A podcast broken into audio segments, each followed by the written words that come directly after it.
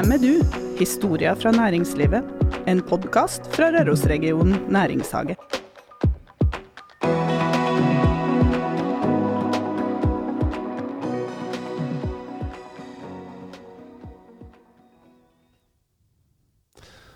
Det er tidlig februar, og det er 2022. Verden åpner, og vi har vår første podkast i dette året. Velkommen, alle sammen. Dagens gjest er Robert Holm, daglig leder på Røros Bryggeri. Men aller først, Kristin, igjen en liten reminder til våre gamle lyttere, men også nye lyttere. Hvorfor gjør Næringshagen dette, har en podkast? Jo, veldig godt spørsmål, Gard Erik. Eh, lytteren skal bli bedre kjent med oss i Næringshagen. Eh, men lytteren skal òg bli bedre kjent med næringslivet i regionen og dem som jobber i næringslivet. Eh, vi skal bli bedre kjent med hverandre. Terskelen for samhandling skal ned. Ja. Det blir jo triveligere òg, blir det det? Det gjør faktisk det. Ja. Det er bestandig bra å bli bedre kjent. Det er det. Stort sett, i hvert fall. Nemlig. Jeg skulle til å si det samme, Ja. på godt og vondt. Ja. Alltid på godt og vondt, men det, det handler om å være i farta, det. Da er det sånn det er. Ja. Men Robert, du er dagens hovedperson. Og eh, du er ikke den første daglig lederen på Røros Bryggeri. Men nok om det. Hva er kort bakgrunnen din? Sånn type, Hvor kommer du fra opp igjennom fra barndom, opp igjennom skoler og greier? Og endte opp der du er? Du, før eh, jeg kjører den regla der, så vil jeg bare si at jeg, liker å være hovedperson. Det er så godt. nei, du liker at du innrømmer det. Ja, nei, det er jo ikke noe Ja, det er veldig bra. Du må være ærlig. Ja. Transparent er viktig. Nei, du. Jeg har jo eh, trådt mine barnesko på Røros. Barneskole, grunnskole, videregående. Og så eh, bestemte jeg meg for det at eh, jeg skulle ikke være av dem som flytta til Trondheim. Jeg skulle gjøre noe annet. Skulle jeg først flytte, så skulle jeg flytte langt. Ok. Men så kom på militæret, og så ble det ikke så mye flytting. Jeg havna nå i Bodø. Og da var jeg litt bitt av den flybasillen. Ja. Så da bestemte jeg meg for det, at eh, jeg skal enten bli jagerflyger, eller så skal jeg bli førskolelærer. Slo du krona mynt, eller? Ja, Men før det altså, hadde jeg òg tenkt at jeg skulle prøve studentlivet, så jeg flytta til Bergen. Og drakk øl, da. Ja, på Huren og Ja. fotballpuben og Oh. Så det var Glory days. Ja, nei, du, jeg, jeg er ikke stolt over det her, men jeg må si at jeg brukte vel et år på å ta forberedende. Så mange vil si at det er bortkasta penger, men det er jo ikke det. For det, det var jo da vi fikk, virkelig fikk føle på kroppen hvor dyrt det var med hvitost. Og, eller det, det er jo kanskje det året jeg velger mest på. Ok. Ja. Så det ble ingen eh, Det ble ikke så stor eh, Jeg fikk ikke gjort så mye på Universitetet i Bergen, for å si det sånn. Nei. Eh, Så, så da Det var da, vet du, liksom at eh, jeg måtte stake ut en kurs. Så eh, da gikk jeg var på opptak på flyskolen og forskjellig. For det første så var jeg for lang, for det andre så jeg for dårlig, og for det tredje så tror jeg både fysikk og matematikkunnskapene mine var for dårlige. Så da ble jeg førskolelærer. da. Ok. Ja. Ja. Ja. Naturlig seleksjon. ja. Ja. Egentlig. Mm. Mm. Og ble du førskolelærer og har stempelet ferdig? Yes. Ok. Er du glad i barn, da? Ja, Det er du. det er jeg. Ja. Har du barn selv? Jeg har to.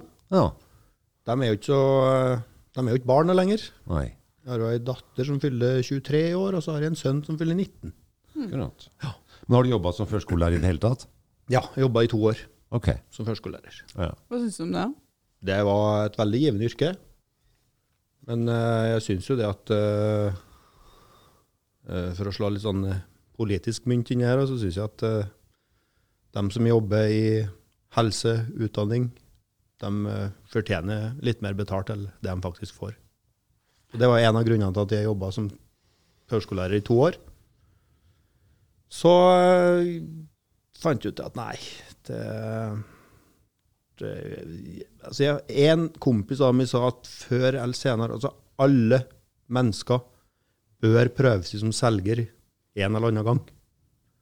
Så da meldte jeg meg på et sånt åpent eh, intro et intromøte på, gjennom Telenor Media. De solgte annonser i telefonkatalogen.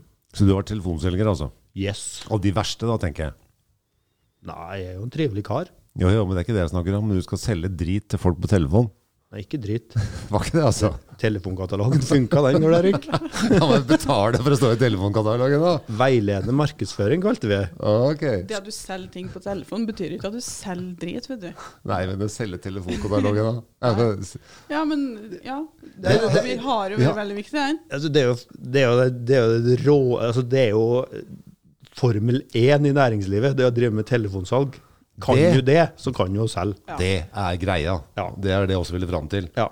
For når jeg får en telefonselger på øret, så sier jeg 'hva selger du', sier jeg. Og de som ikke kan svare på det, da legger jeg på. Men noen har det. ja. Fortell meg hva de selger. Mm. Da lytter jeg. Da kjøper du selger nå. Jeg kjøper selgeren, det er det viktigste. Skal kanskje ikke si her i en podkast, men eh, jeg mener alle selgere er horer.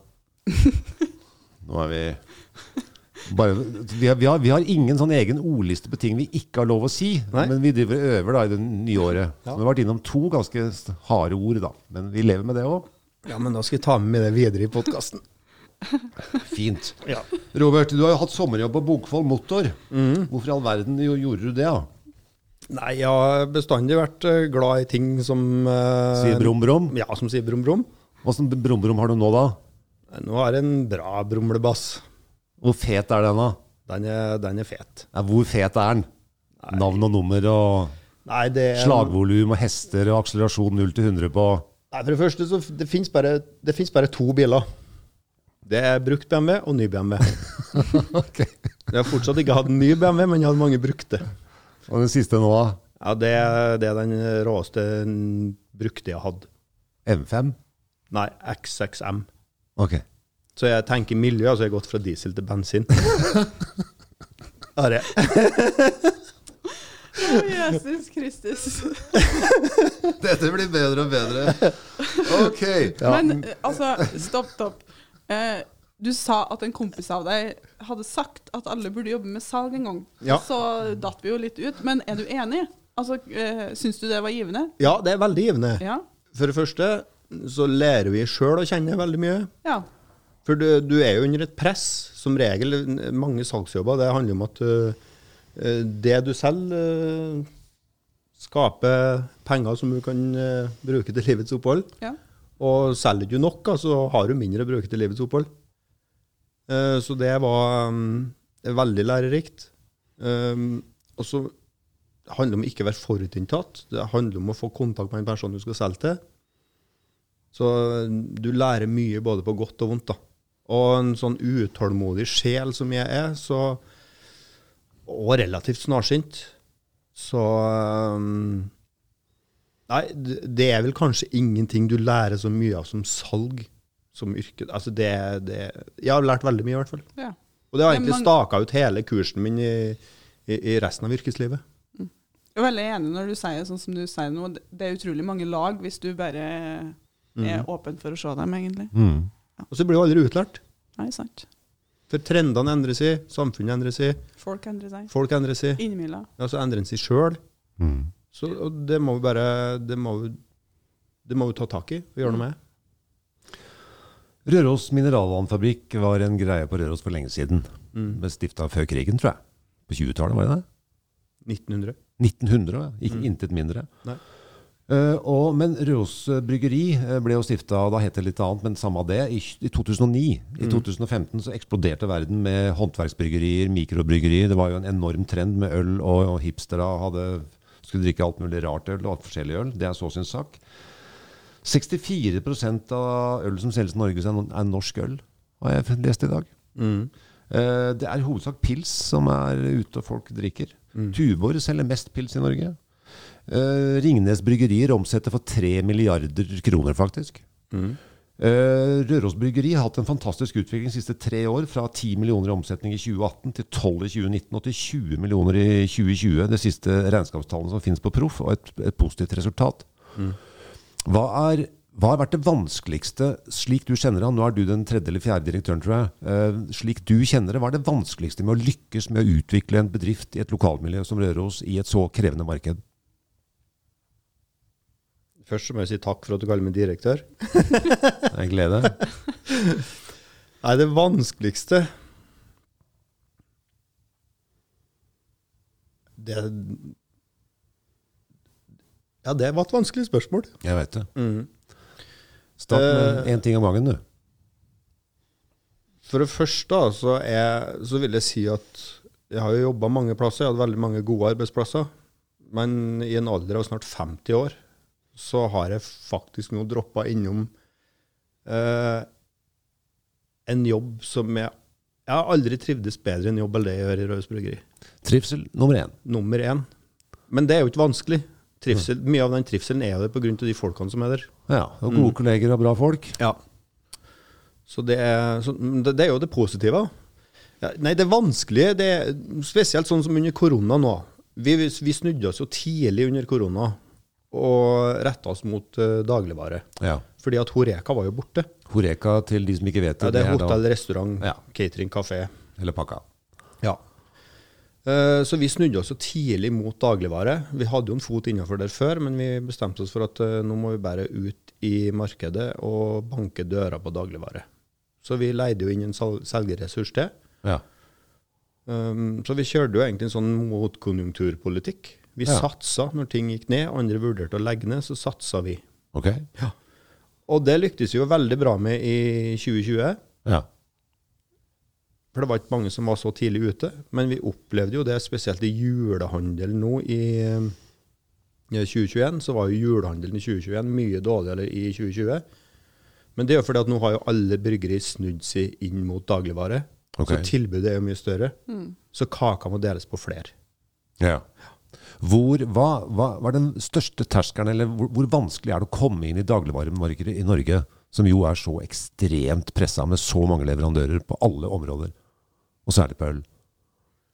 Det, det er ikke så vanskelig å komme inn okay.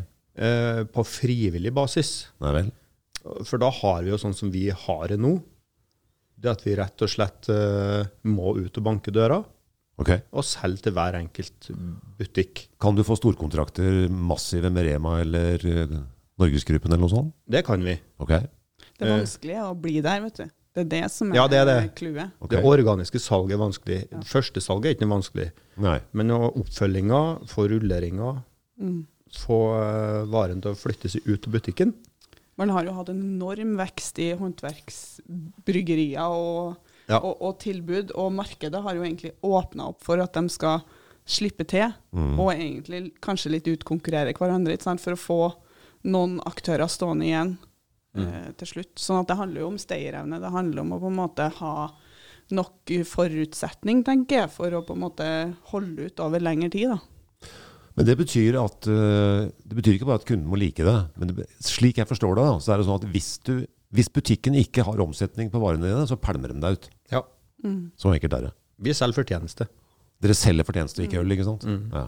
Men det er klart, hvis vi selger øl til sluttbruker, og skal Ja. jo butikkene få fortjeneste, så må det jo være god kvalitet og god smak som treffer forbrukeren, Mm. for at vi skal få rullering, og dermed at butikkene skal få fortjeneste, og vi får fortjeneste. Den store endringen som Røros Bryggeri gjorde, det var jo å gå fra å lage litt forskjellig håndverksøl og være et mikrobryggeri, til å bli et mer strømlinjeforma bryggeri. Dere, lagde en, dere hadde en fantastisk samarbeidspartner som lagde ny, ny logo, nye farger, dere kom på boks osv. Og, og hvor mange øl har dere nå som er basis, uh, er basispakka? Ja, vi har, eh, vi har en pils, pils out. ja. Vi har uh, Bayer. ja. Eh, vi har eh, Altså, vi har jo en på polet som heter I Hope I Think I IPA. Ja. Det er jo en sterk IPA som er brygga på Myse fra Rørosmeieriet. Vi er veldig opptatt av ressursutnyttelse. Vi bruker jo et avfallsprodukt fra Rørosmeieriet i vår IPA. ja. Og så har vi jo en vanlig butikk-IPA.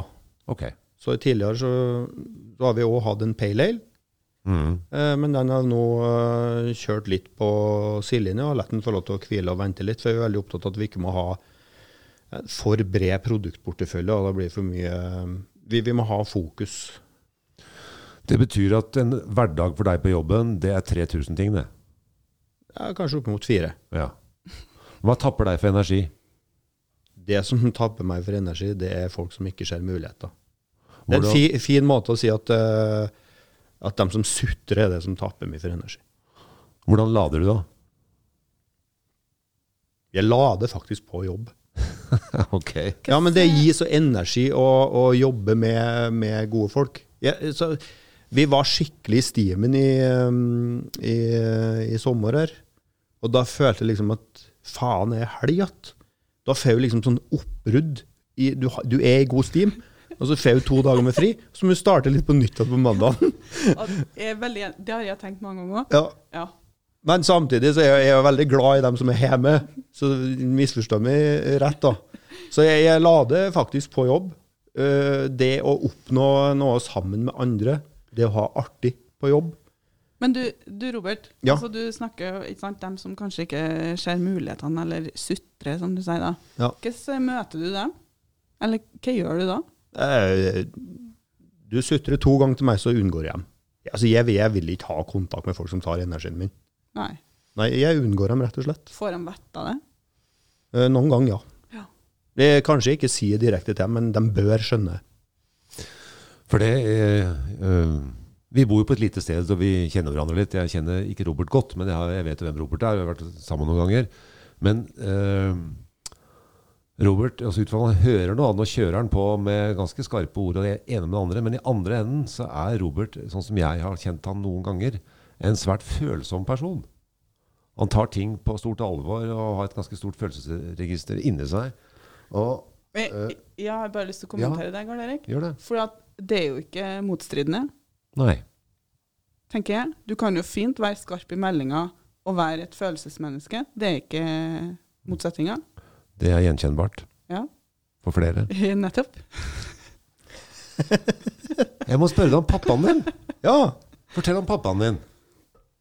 Nei, du, Klarer du det? nå får jeg Jeg er følelsesmenneske. Ja. Jeg får nesten sånn eh, Jeg ser det. Ja. Du, han er mm, Nei, han er hardeste fyren jeg vet om.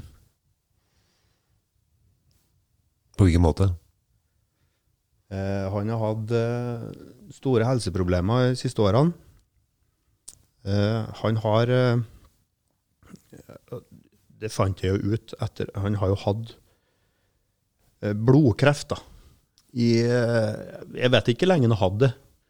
Eh, Men det fikk jeg faktisk vite da jeg skulle være med på en sånn samtale med en eh, lege før han skulle operere siste gangen. Eh, Så spør jeg at eh, du, gubben har jo eh, hver gang han opererer, så får han jo eh, store komplikasjoner fordi at han eh, alltid får infeksjon. Så sa jeg, hva har dere tenkt å gjøre med det den gangen her? For det er nesten så jeg ikke vil at den skal opereres. Så sa han, nei, men det er jo blodkreften som gjør det. Og det visste ikke du. Nei, så ser jeg på en pappa. «Eh, Blodkreft? Har du blodkreft? Ja, nei, det er det jeg har sagt, det er noe med blodet mitt, sant? Men det, er- det ordner seg, det. er ikke noe. Men det er ikke en hissig variant. Altså, de har det under sjakk, men det gjør jo noe med, med motstandsdyktigheten hans. ja. Uh, men det endte jo opp med at han måtte uh, Han måtte da ja, Skal vi se. Han fikk først lagt inn en sånn uh, protese inni kneet. Og det der gikk jo bare det ble, Foten ble jo blå, og han var jo dårlig, og det var jo helt håpløst. Så det endte med at han måtte amputere høyrefoten over kneet. Mm. Uh, og det ringte han med så. Nei, jeg må amputere den. Det er jo like greit. Sånn. Hvis ikke så Da dør jeg nå, hvis jeg ikke amputerer den. Da er det greit. Ja. Så han har aldri klaga over at han har mista en fot. Nei. Og han eh, har protese. Han trener Og kjører rullestol. og kjører rullestol. Han er på eh, kaffe fire ganger i uka, og så er han på trening to ganger i uka. Ok. Uh, gjør alt sjøl hjemme, med litt hjelp. uh, og ser lyst på livet. Så det, det har fått meg til å tenke de en, altså Glede seg over de enkle tingene i livet. Bare det å kunne gå. Mm. Når jeg er ute og springer og er jævla sliten og sur fordi at jeg er i dårlig form, så tenker jeg men jeg er heldig som får lov til å springe. Som har muligheten til å springe. Mm. Men han er Nei, han er, Han klager aldri. Positiv hele tida. Og det har jeg sagt til han. Har du vært sutregubbe, så har du ikke fått noe mye hjelp heller. Men han får Jeg kan gå til månen for han. Mm. Uh, I fjor eller forfjor, tiden går fort, så dukka plutselig Røros Bryggeri opp med et nytt produkt som het Fjellbris. Og det var da gin tyttebær, og så var det gin hjelp meg, rabarbra. Mm. Mm. Og så lempa dere inn noen paller på Rema. Mm. Og, da, et, og så gikk det en dag eller to eller tre. Mm. Hva skjedde der oppe da? Nei. Det var jo eh, Altså, det var jo et produkt som Det var jo helt vilt. Det slo jo enormt godt an i markedet. Så vi hadde jo egentlig ikke tenkt at vi skulle bli truffet av en sånn eh, storm. Nei. Vi tenkte har vi en palle inn, så må vel det holde kanskje i hvert fall en tre uker, måneds tid. Men det gjorde det ikke. Det holdt jo i to dager. Og folk kjøpte ikke bare én eller to bokser, de kjøpte jo hele brett. Så da fant vi ut at ja, nå har vi gjort noe riktig. ja, det fant ut det da. Og det var jo òg likeens på Megaen. Ja. Det bare børsta ut. Men hva, hvordan er fordelinga nå i dag mellom øl og fjellbris, og, eller denne type drikker? drikker? Omsetning, tenker jeg på da. Det har jo vært et ganske stort produkt for dere, har det ikke? Jo, men sånn hele Altså hvis du tar alle ølene i sammen, da, Ja. så er jo de fortsatt Jeg tror de, er, de står for en 60 av omsetninga vår, kanskje. Ja. Eh, og så har vi fjellbrisen. Men enkeltprodukt så er det jo fjellbris med rabarbra som, er, som vi selger mest av. Mm. Og det, det, det er jo en trend i verden som viser seg at folk går litt bort fra øl, og så er det mer over til den typen drikke. Altså type, en miks av en Ja. gin eller en vodka og noe annet. Det, og ungdom drikker faktisk litt mindre de siste årene. Det er litt fallende trend. At Mhm. folk drikker litt mindre alkohol. Men kanskje varierer vi litt mer òg, for at vi har flere valgmuligheter. Ja, Sånn at vi er litt mer åpen for flere ting. fullt mulig. Men i tillegg så må vi ikke glemme blåbærdrikken. Altså, når jeg kommer fra jakt, altså, da har jeg alltid en cola liggende i bilen. Fire-fem dager i fjellet, og så kommer det ned til en iskald cola når du kommer til bilen. Den har jeg bytta ut med blåbærbrus. Mm. Forstå den som vil. For det om jeg jobber i Røros Bryggeri, så er cola fortsatt verdens beste drikk. Med sukker, vel å merke. Ok. Nei, jeg, jeg, synes, jeg velger faktisk blåbærbrus framfor cola. Ja, den er veldig god. Den er veldig god. Og jeg liker at den har litt mindre sukker. Og så er den frisk, og så smaker den faktisk blåbær. For jeg har spist blåbær fra skauen da, med henda. holdt jeg på å si, altså plukka selv. Hvor viktig er disse alkoholfrie drikkene for dere? De er veldig viktige. Det er jo, som- det, altså, det er jo perlende blåbær, perlende tyttebær og perlende rabarbra Ja, sammen med fjellbrisen. Det er jo det som er signaturproduktene våre. akkurat. Det er jo det vi er mest kjent for. Og alene om, nesten. Ja. Mm. For sånn som med fjellbris, altså, det er jo en spritbasert drink på boks. Der har ikke vi fulgt en trend i Norge. Vi har fulgt en trend i USA, men vi har skapt en trend i Norge. Vi var først ute i dagligvare med den type drikk. Hurra. Mm. Ja, det er helt eh, magisk. De, de, jeg var jo ikke med på, på lanseringa av den, men den jobben de har gjort der eh, Jonas og Jørgen, som eh, har kommet fram til smakene, balansen i drikken, og ikke minst en Frank, som fikk den ut i markedet på den måten de gjorde, gjorde på, er all honnør til dem. For Jonas og Jørgen de er utdanna kokker, ikke sant? De er utdanna kokker. Dette er gutter som kan smak, vet du. Og det er ganske nyttig informasjon til dere der ute. At det er de som driver og utvikler. Er dere på vei med Har dere en ny fjellbris i sidelomma, eller? En liten luring på lur? Oh yes. Vi Ja. kommer med en summer edition. Summer edition. Ja. Da tror jeg vi må lage en låt til denne. Må finne en musiker til å lage en eller annen Summer Edition Fjellbreeze. Men nok om det. Hva er det for noe? Jeg bare kom på det nå. Du, det er Er det hemmelig, eller kan du Jeg sier jeg har Hvis du lite, har tisser lite, over. Erik, så kanskje den sier snart. Jeg har lite hemmeligheter.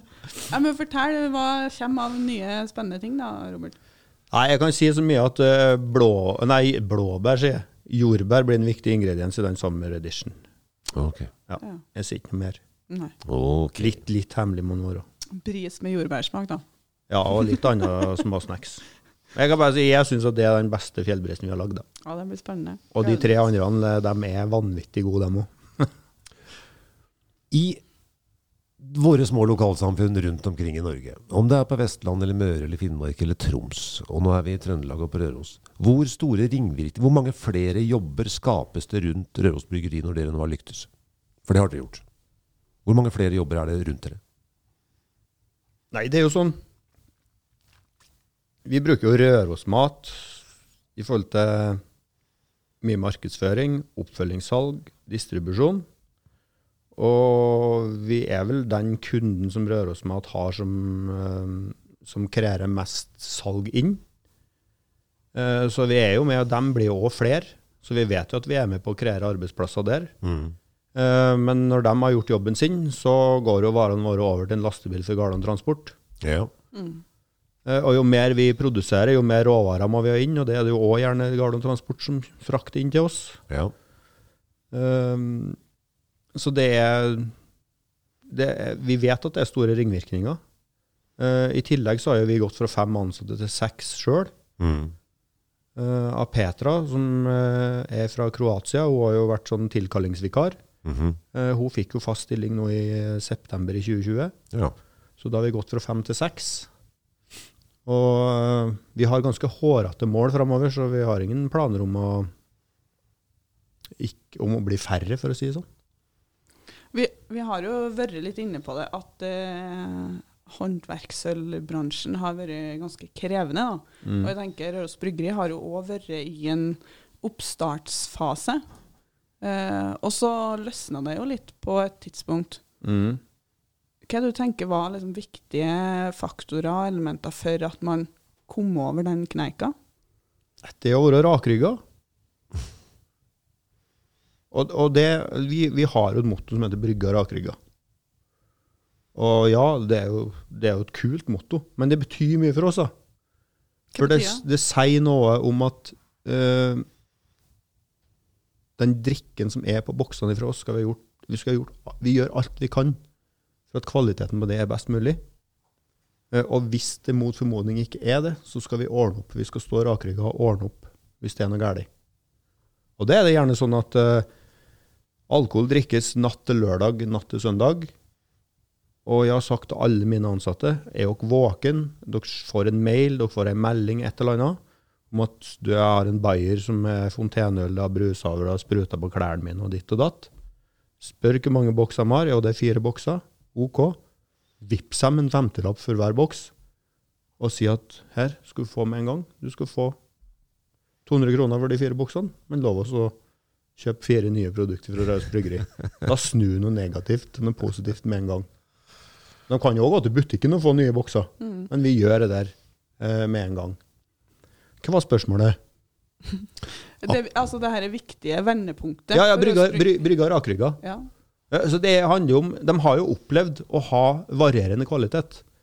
Og alle som jobber på bryggeri, vil bli kjent for kvalitet. Mm. Så, så bak brygga rakrygga så ligger jo kvalitet i alt for alle alltid. Men i tillegg så har dere jo vært utsatt for økonomiske problemer, akkurat som alle andre mikrobryggerier. Ja. Og hvordan klarte dere å snu den? Fra å tape penger til å tjene penger? Hva var nøkkelen til å snu det akkurat når det var kritisk? Du må jo ha grunnmuren med smaker og kvalitet. Eh, og så må vi være, være frampå på salg. Eh, og så er det klart at det er viktig å ha med eiere som har tro på oss. Og så har vi et velfungerende styre. Eh, vi er jo alle sammen enige om at hvis vi ikke tenker utvikling, så styrer vi mot avvikling. Men eierne har vel én ting til enn at de har tro på dere? En liten detalj som begynner på K og slutter på roner. Kroner, ja. Ja, Mm. Men de gidder jo ikke å kaste penger etter oss ikke sant? hvis vi ikke ser at vi har, utvikler oss, utvikler oss og, og tjener penger. men selskapet, det har vært reinvestert i selskapet. Ja. Mm. Det skjedde jo i 2018. Mm. Da var det jo ordentlig kroken på døra, egentlig. Men, det, men det handler om at vi hadde veldig bredt fokus. da. Vi Ja. drev jo ikke bare med drikke. Da het vi jo Røros FNB Group. Ja, det stemmer. Det har jeg glemt i farten. så da, da drev vi ikke bare med drikke, men vi drev jo med majones. Vi drev med kreklinggelé. Vi drev med tyttebærketchup. Vi skulle begynne med vann, Ja. som visstnok skulle være veldig godt å drikke til vin. Eh, og så kjøpte vi og Røros Delikatesse. ja, det gjorde du også. Fem ansatte. Fem ansatte, ingen på salg. Ah. Dere har reindyrka konseptet og merkevaren. Da driver vi kun med drikke. Ja. Og så passer vi å ikke ha for bred produktportefølje. Mm. Og vi er jo litt sånn motsatt til veldig mange andre bryggeri.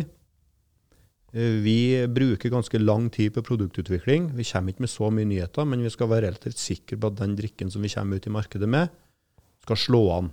Ja. For vi lager ikke det mest spesielle, vi lager ikke det rareste. Vi skal lage drikke som folk har lyst på flere av. Men samtidig særegen på smak og Helt klart. egen merkevare. Ja. Og det er jo klart at, som jeg sa i stad, vi er opptatt av ressursutnyttelse. Vi har jo et eget bærmottak der vi tar imot krekling, blåbær, tyttebær og rabarbra hvert år. Mm. Der eh, folk får en kilospris og kan bare levere inn alt de har til oss. Ja. Det, det, det syns jeg er kjempekult. Ja, ja. Liker det veldig godt. Ja. Jeg har hørt at før i tida liksom, så, så satte de opp busser og liksom lempa folk på for at de skulle dra inn på fjellet og plukke molte eller et eller annet. Og så kom de tilbake til at og leverte på Mm. bærmottak da. Det har jeg sett. Så gammel er jeg. Til Rendalen så kom det, det kom lastebiler med folk på lasteplanene Mm. fra Løten og plukka molte i Rendalsfjella. Det husker jeg. Lokalbefolkningen var rasende. Det var kartplukkere. Det var greia.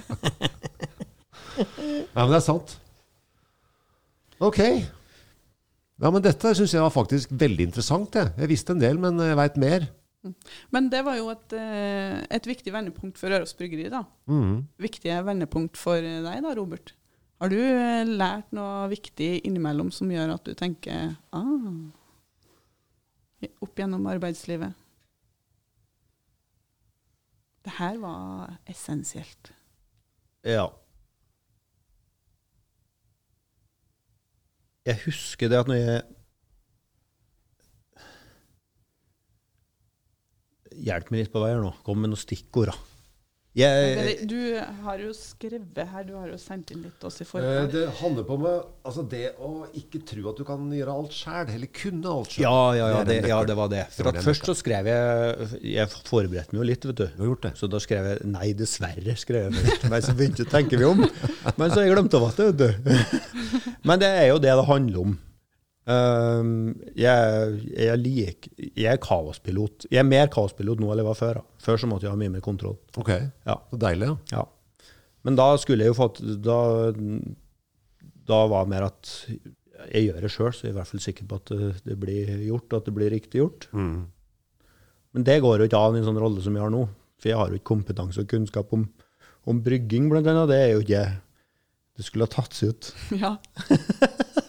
Så det, skomaker, bli ved, bli ved din lest, da. Det handler ikke om at du ikke skal lære inn noe nytt, men du må se Altså, jeg har lært meg å se mine egne begrensninger. Okay. Men nå begynner jeg jo snart å bli 50 år, så da vet jeg jo litt hva jeg er god på. Ja. Eh, og så vet jeg litt at jeg har eh, Du trenger jo ikke å, å kunne alt. Og når jeg jobba i Gule Sider, så var jo jeg ansvarlig for å ansette selgere til mitt team. Og den store bommerten jeg gjorde i starten, da, det var jo å lete etter folk som var lik meg sjøl. ja, riktig. Det er jo helt forferdelig. Men, eh, Nei, det er jo en tragedie å gjøre, egentlig, men jeg gjorde nå det. Men jeg ser jo det, det å danne team, utvikle team, det er viktig, og da må vi jo være forskjellige. Noen er introvert, noen er ekstrovert, noen er glad i å prate, noen er ikke så glad i å prate. Men alle har personlige egenskaper og kompetanse som et team har bruk for. Mm. Og så skrev du inn til oss i forkant at eh, du liker å ansette folk som er bedre enn deg sjøl. Det Ja. syns jeg er helt strålende. ja, Ja. jeg er veldig enig. Det er gull. Det er jo det er ikke noe som er bedre enn det. Få tak i noen som er Jeg tror jo sjøl at jeg er ganske god på mye òg. Altså, jeg har egentlig ingen spisskompetanse, men jeg er god på mye rart. Hva er du veldig god på, Robert? Nei, altså, Jeg er et følelsesmenneske. Jeg er veldig glad i folk. Jeg er veldig opptatt av at folk skal trives. Men jeg tør å stille krav. Gjør jeg. Mm. Så på bryggeriet hos oss så er det sånn eh, Her gjør vi hva, vil, eh, hva vi vil, så lenge vi får gjort det vi skal. Ok. Så hvis det er noen som har behov for eh, fri en torsdag og en fredag, så ja, men ta fri en torsdag og en fredag, men da må dere gjøre det dere skulle ha fått gjort til onsdag når dere har mat. Mm. Det er i orden. Mm. Ja. Mm. Da tror jeg vi kan runde av der, jeg. Og da tenkte jeg å runde av med altså Det høres veldig fristende ut å jobbe i Røros Bryggeri, da. Så jeg tenkte som så at uh, gutta som jobber der, de er jo en sånn hettegensergenerasjon. Så har de luregreier. Altså, men har ikke jeg skjegg, da?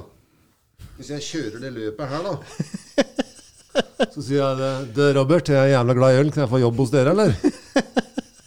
Er det nok? Nå kjenner jeg jo deg litt fra før, så jeg kommer til å si nei. Det, nei da. Du er for lik meg, Gard Erik. Det har du faktisk rett i. Ok, da røyk den jobben. Eh, Da sier vi tusen takk til Robert, og takk for en eh, hyggelig stund. Takk for at jeg fikk komme. Takk for praten.